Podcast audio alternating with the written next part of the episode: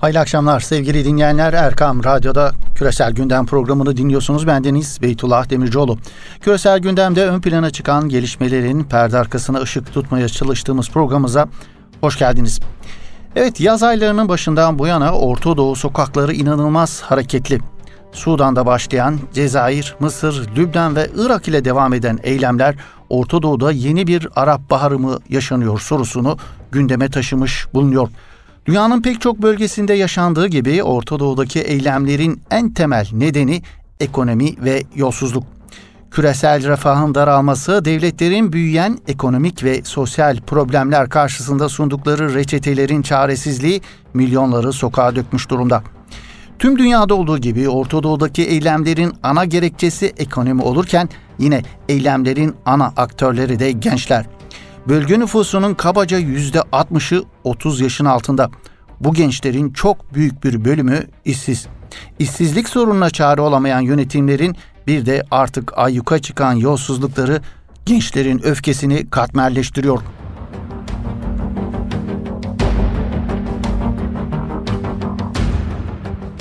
Orta Doğu'daki protesto eylemlerinin en kanlısı Irak'ta yaşanıyor. Son bir buçuk ay zarfında güvenlik güçlerinin müdahalesi sonucu Irak'ta 250'den fazla insan öldü. Yolsuzluk konusunda dünyada en nam salmış ülkelerin başında gelen Irak'taki göstericilerin hedefinde ülkeyi bu hale getirmekle suçladıkları İran'ın himayesindeki Iraklı siyasiler var. İran'ın kendisine yakın siyasiler üzerinden Irak'taki nüfuzu Şiisiyle, Sünnisiyle Irak halkını artık isyan noktasına getirmiş bulunuyor. Başta başkent Bağdat olmak üzere Şii nüfusun ağırlıkla yaşadığı bölgelerde yolsuzluk, kamu hizmetlerinde yetersizlik ve işsizlik nedeniyle hükümeti hedef alan eylemler artık İran karşıtı bir görünüm arz ediyor. İran'ın Irak'taki nüfuzunun sınırlandırılması talebi özellikle de 25 Ekim'de başlayan protestoların ikinci dalgasının en önemli gündemi olarak sokağa daha belirgin yansımış durumda. Son olarak Irak'ta çok sayıda gösterici ülkenin güneyindeki Kerbela kentinde bulunan İran konsolosluğunu basmış ve binadaki İran bayrağını indirerek Irak bayrağını asmışlardı.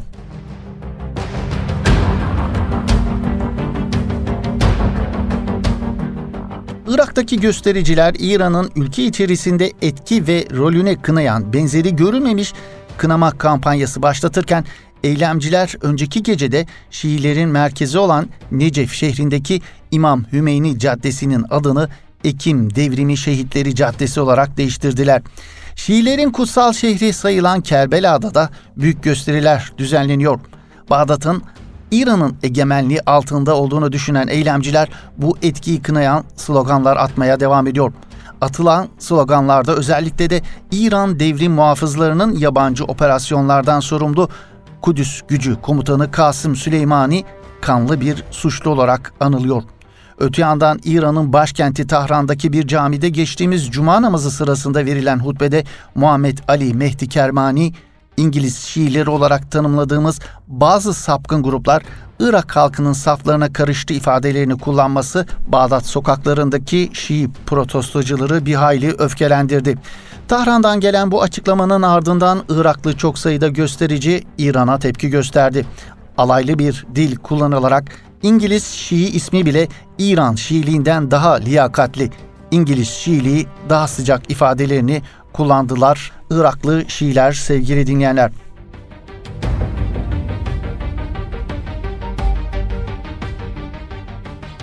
...25 Ekim'de başlayan protestolarda 1 Ekim'deki ilk protesto dalgasına göre İran ve Tahran'a bağlı olarak çalışan, gösterilerin bastırılmasında oldukça orantısız güç kullanan Haçlı Şabi'ye yönelik öfke de bir hayli kabarmış durumda.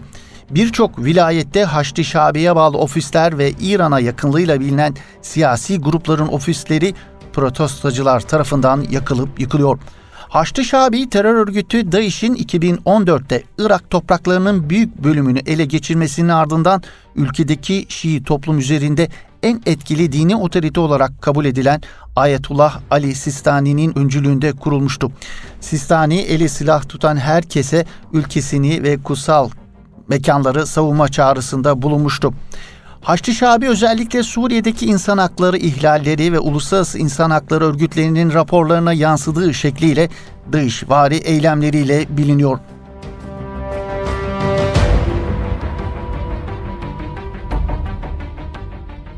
ABD ile İran'ın Irak'ta artarak devam eden çekişmesinin odak noktası haline gelen Haçlı Şabi'nin ülkedeki artan gücü ve ABD'nin hedefi haline gelişi nedeniyle Başbakan Adil Abdülmehdi yönetimi sonrası Irak'ın derin bir istikrarsızlığa sürüklenme ihtimalinin altı çiziliyor analizlerde. İran'ın devrim ihracı politikası bağlamında Irak'ta İran modeli bir ülke kurmak istediği ve Haçlı Şabi'yi bu kapsamda kurguladığı değerlendiriliyor. Tahran'ın bu amacını İran Savunma Bakanı Hüseyin Dehkan'ın Irak artık hiçbir zaman bir Arap ülkesi olmayacak. Artık onları susturacak Haçlı Şabimiz var sözleriyle itiraf ettiği konuşulmuştu. Evet İran destekli Haçlı Şabi'nin ülkedeki yükselişinin devam etmesi halinde Irak'taki dengelerin başta ABD olmak üzere bölge ülkelerinin aleyhine gelişeceğinden ve İran'ın bölgedeki mezhepçi yayılmacılığını güçlendirerek ülkenin bütünlüğüne zarar vereceğinden endişe ediliyor. Zira bünyesindeki Sünnilerin ve Kürtlerin neredeyse tamamen çekildiği Irak ordusuna ek olarak İran destekli Şii milis grubunun sistemdeki artan konsolidasyonunun ülkedeki siyasal ve toplumsal fay hatlarını harekete geçirme ihtimalinin altı çiziliyor. Saddam'ın Iraklı Şiilere karşı ayrıştırıcı politikaları Irak Savaşı sonrası tersine dönmüştü. Maliki'nin Kürtleri sistemden dışlaması Kürt bölgesel yönetiminin bağımsızlık referandumuna gitmesine imkan sağlamış ve Sünnileri tamamen sistemden izole etmesi ise bazı Sünni aşiretleri DAEŞ'e destek vermeye itmişti. Haçlı Şabi'nin uluslararası insan hakları örgütlerinin raporlarına yansıyan DAEŞ vari tutumu protestacılara karşı şiddet kullanması ve İran'ın devrim ihracının uzantısı olarak mezhepçi bir çizgi izlemesi ülkedeki etnik ve dini gruplar üzerindeki baskının gelecekte de derinleşeceğinin göstergesi olarak ülkenin bütünlüğünü tehdit ediyor vurgusu yapılıyor siyasi analizlerde sevgili dinleyenler.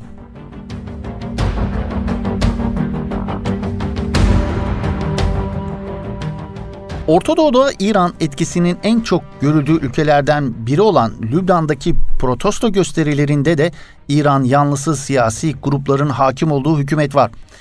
Lübnanlı göstericiler de İran ve onun müttefiki durumundaki Hizbullah'ı çok sık olmasa da hedef alıyorlar. Ancak göstericilerin öfkesi daha çok Hizbullah'a yakın olan Hristiyan Partisi'ne mensup Maroni Cumhurbaşkanı Michel Aoun ve Dışişleri Bakanı Cibran Basil'e yönelik. Irak ve Lübnan'daki durum İran'ı oldukça rahatsız ediyor. Çünkü gösteriler İran'ın Lübnan ve Irak'taki çıkarlarını tehdit ediyor. Milli karaktere sahip olan bu gösterilerin hedefinde mevcut siyasi düzen var. Bu düzenin ise İran destekli gruplar tarafından ayakta tutulduğu biliniyor. Uluslararası analizlerde Beyrut ve Bağdat hükümetlerinin güç kaybetmesinin İran'ın bölgedeki etkisinin azalması anlamına geldiği de belirtiliyor. Irak ve Lübnan'daki gelişmelerin değerlendirildiği pek çok uluslararası analizde Irak ve Lübnan'da süren protestoların İran'ın bu ülkelerde nüfuzunu ciddi anlamda tehdit ettiğinin altı çiziliyor. Iraklı güvenlik analisti Hişam El-Haşimi'ye göre İran bu gösterilerden korkuyor. Çünkü bu ülkelerdeki hükümet ve parlamentolarda elde ettiği en büyük kazanımları kendisine yakın taraftarlar üzerinden elde etmişti İran. İran bu kazanımları kaybetmek istemiyor. O nedenle de protestoları İran'a özgü şekilde bastırmak amacıyla kendisine yakın taraflarla çalışmayı denedi ancak başarılı olamadı diyor Iraklı güvenlik analisti Hişam El Haşimi. Associated Press'in analizine göre ise yoksul halk İran'la bağlantılı Şii milislerin kendi ekonomik imparatorluklarını kurarak devletin yeniden yapılanma projelerine el koyup bunları üstü örtülü şirket faaliyetlerine dönüştürmelerinden yakınıyor. London School of Economics'te Orta Doğu siyaseti profesörü Vavas Gerges ise İran iki ülkede de yaşanan gerginlikten ve karmaşadan uzak durmak istiyor ama bunu yapma imkanı kısıtlı çünkü göstericilerin hedefinde İran'ın yerel müttefikleri olan silahlı kuvvetler de var açıklamasında bulunuyor.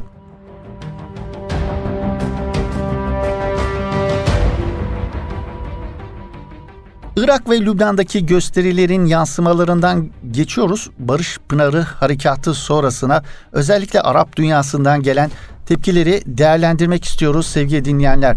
Malum Barış Pınarı harekatını değerlendirirken batılı emperyalistlerin ve kimi sömürge artı Arap rejimlerin Kürtler söylemiyle PKK-PYD'li teröristler için ağıtlar yakarken dertlerinin Kürtler olmadığının altını çizmiştik. Esed rejiminin kimyasal silahlarla katlettiği yüz binlerce insana ağlamayan Batı dünyasının Kürtler diye çarpıttıkları PKK, PYD'ler için yaktıkları ağıtlarda ne kadar samimi olabileceklerini sorusunu hatırlatmıştık.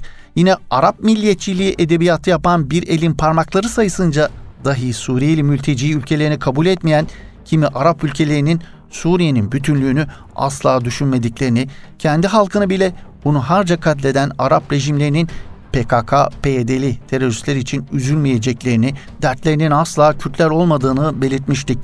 İngiltere'nin önde gelen gazetelerinden Financial Times gazetesi de benzer değerlendirmelerde bulunuyor. Türkler Kürtleri katlediyor yalanını en çok kullanan Arap rejimlerinin başında gelen Suudi Arabistan, Birleşik Arap Emirlikleri ve Mısır'ın Barış Pınarı'na tepki gösterirken PYD, YPG'yi düşünmediğini vurguluyor Financial Times gazetesi.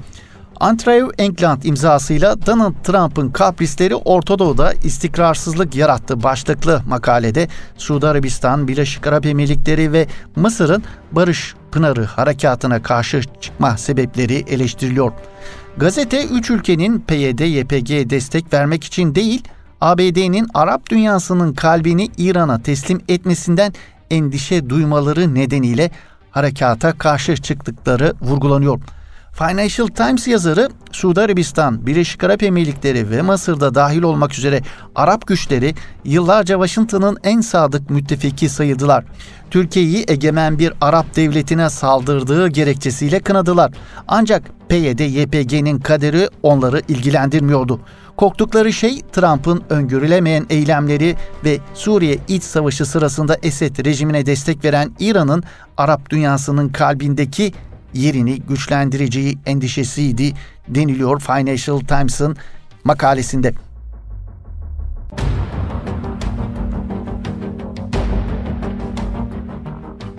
Barış Pınarı konusunda Avrupa'dan en çok çatlak seslerin geldiği ülkelerin başında Fransa ve Almanya geliyor sevgili dinleyenler.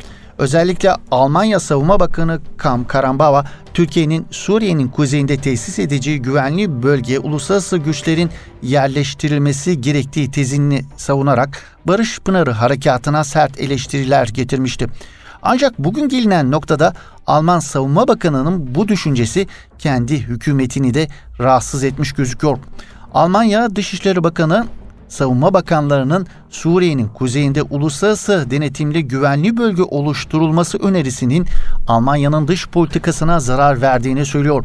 Alman medyasına konuşan Türkiye ziyaretine ilişkin açıklamalarda bulunan Alman Dışişleri Bakanı Suriye'nin kuzeyine yönelik askeri harekat sonrasında Türkiye'nin bölgede kalıcı olmayacağını ve planlanan güvenlik koridoruna istekleri dışında hiçbir Suriyelinin gönderilmeyeceğini söyledikten sonra kendi bakanlarının Suriye'nin kuzeyinde uluslararası denetimli güvenli bölge oluşturulması önerisinin Hristiyan birlik içinde de görüşülmediği kanısında olduğunu belirtiyor.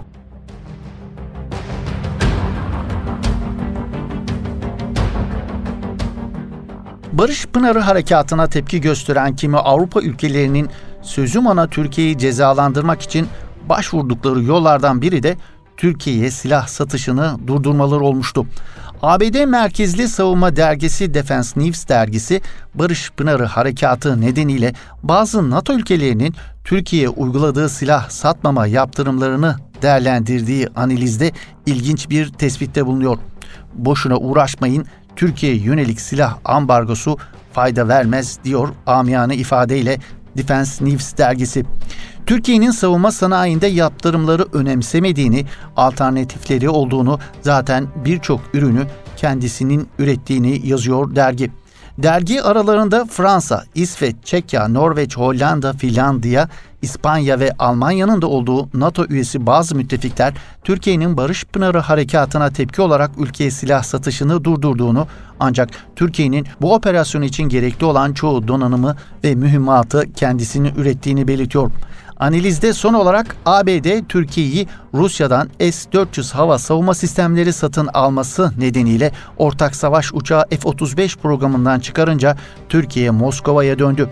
Cumhurbaşkanı Erdoğan Rusya'daki hava gösterisinde Su-57'leri inceledi. Türkiye ayrıca kendi savaş uçağını dizayn edip geliştirmeye çalışıyor ifadelerini de kullanıyor.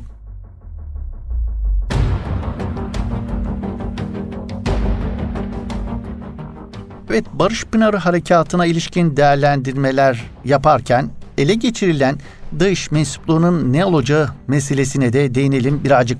Malum Barış Pınarı Harekatı sonrası ele geçirilen dış terör örgütü mensuplarının ne olacağı konusu şu sıralar küresel gündemin önündeki en önemli sorulardan biri olarak ön plana çıkıyor. Türkiye bu teröristleri vatandaşları oldukları ülkelere geri göndereceğini söylüyor. Özellikle Avrupa ülkeleri ise vatandaşlıktan çıkardıkları bu teröristleri kabul etmeyeceğini söylüyor. İngiliz basını İçişleri Bakanı Süleyman Soylu'nun Türkiye'nin yakaladığı yabancı uyruklu DAEŞ'lileri vatandaşlıktan çıkaran ülkeleri eleştirdiği sırada sarf ettiği biz kimsenin DAEŞ mensubunun oteli değiliz sözleri İngiliz medyası tarafından geniş bir şekilde değerlendiriliyor. Times gazetesi konuyla ilgili haberinde Türkiye dış mahkumlarını vatandaşlıktan çıkarılmış olup olmamalarına bakmaksızın İngiltere'de dahil olmak üzere ülkelerine geri göndermekle tehdit etti ifadelerini kullanıyor. Gazete İngiltere'ye dönen yaklaşık 400 İngiliz'den sadece 40'ının ülkelerinde açılan davalarda ceza aldığını belirtiyor. Bir terör örgütü tarafından kontrol edilen bir bölgeye seyahat etmek başlı başına bir suç teşkil etmese de hükümet bu yasayı değiştirmeyi planlıyor diyor gazete.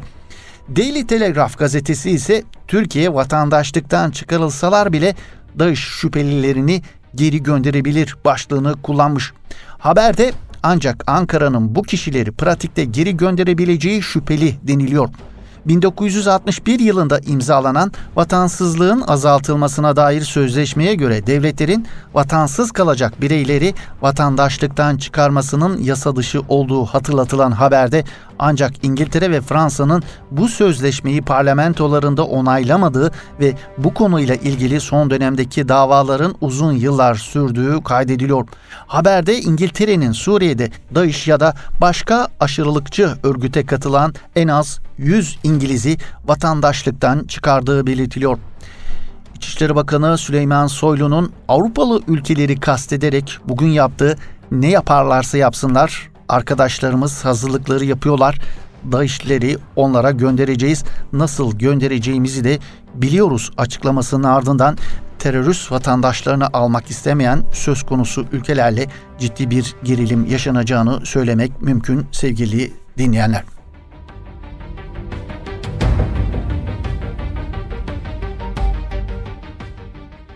İsrail, Arap ülkeleri için artık vazgeçilmez bir müttefik. İsrail Başbakanı Benjamin Netanyahu'ya ait bu sözler sevgili dinleyenler.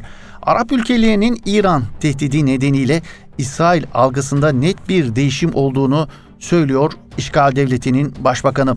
Kudüs'te Hristiyan Medya Zirvesi ve Siyon Dostları Müzesi'nin yeni medya merkezinin açılış töreninde konuşan İsrail Başbakanı ayrıca şunları söylüyor. Çok büyük bir şey oluyor.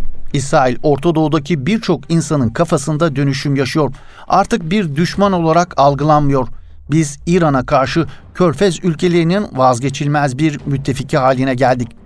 Netanyahu Arap rejimleri nezdindeki İsrail imajının değiştiğinin delili olarak da ABD Başkanı Donald Trump'ın Kudüs'ü İsrail'in başkenti olarak tanıması ve ardından da İsrail'in Golan tepelerinin ilhakını tanımasını gösteriyor.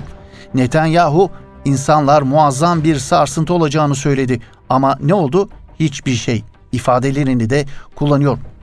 Netanyahu'nun bu ifadeleri 1969 yılında Yahudi yerleşimcilerden birinin Mescid-i Aksa yakma girişimi sonrası işgalci İsrail'in ilk dünyanın da üçüncü kadın başbakanı olan Golda Meir'in sözlerini hatırlatıyor. Kıble Mescidi'nin büyük ölçüde zarar görmesine neden olan yangın sonrası İsrail Başbakanı o gece sabaha kadar korkudan uyuyamadım diyor. Zannediyordum ki Müslümanlar dört bir taraftan İsrail'e girecekler. Lakin sabah oldu ve korkulan olmadı.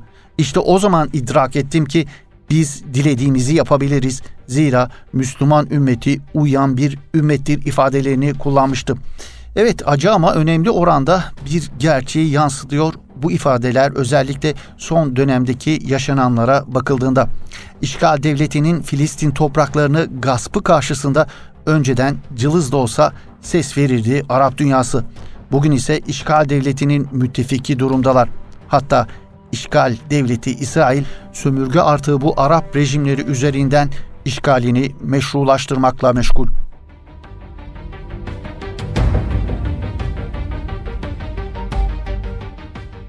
Evet öte yandan İsrail işgal altında tuttukları kadim Kudüs'te bulunan toplam 58 mescidin 20 tanesine el koyarak ev ya da ticari mahalle dönüştürdüğünü vurgulayalım ne yazık ki.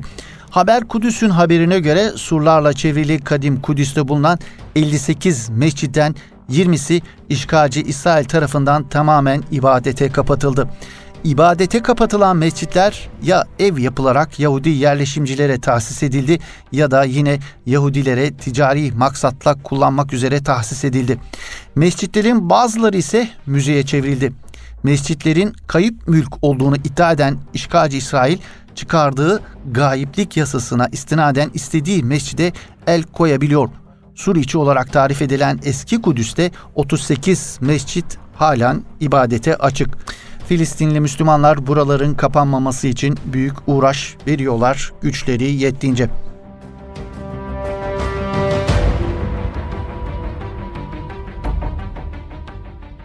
Evet bir küresel gündem programımızın daha böylelikle sonuna gelmiş bulunuyoruz sevgili dinleyenler. Yeni bir küresel gündem programında buluşmak ümidiyle. Hoşçakalın, iyi akşamlar efendim.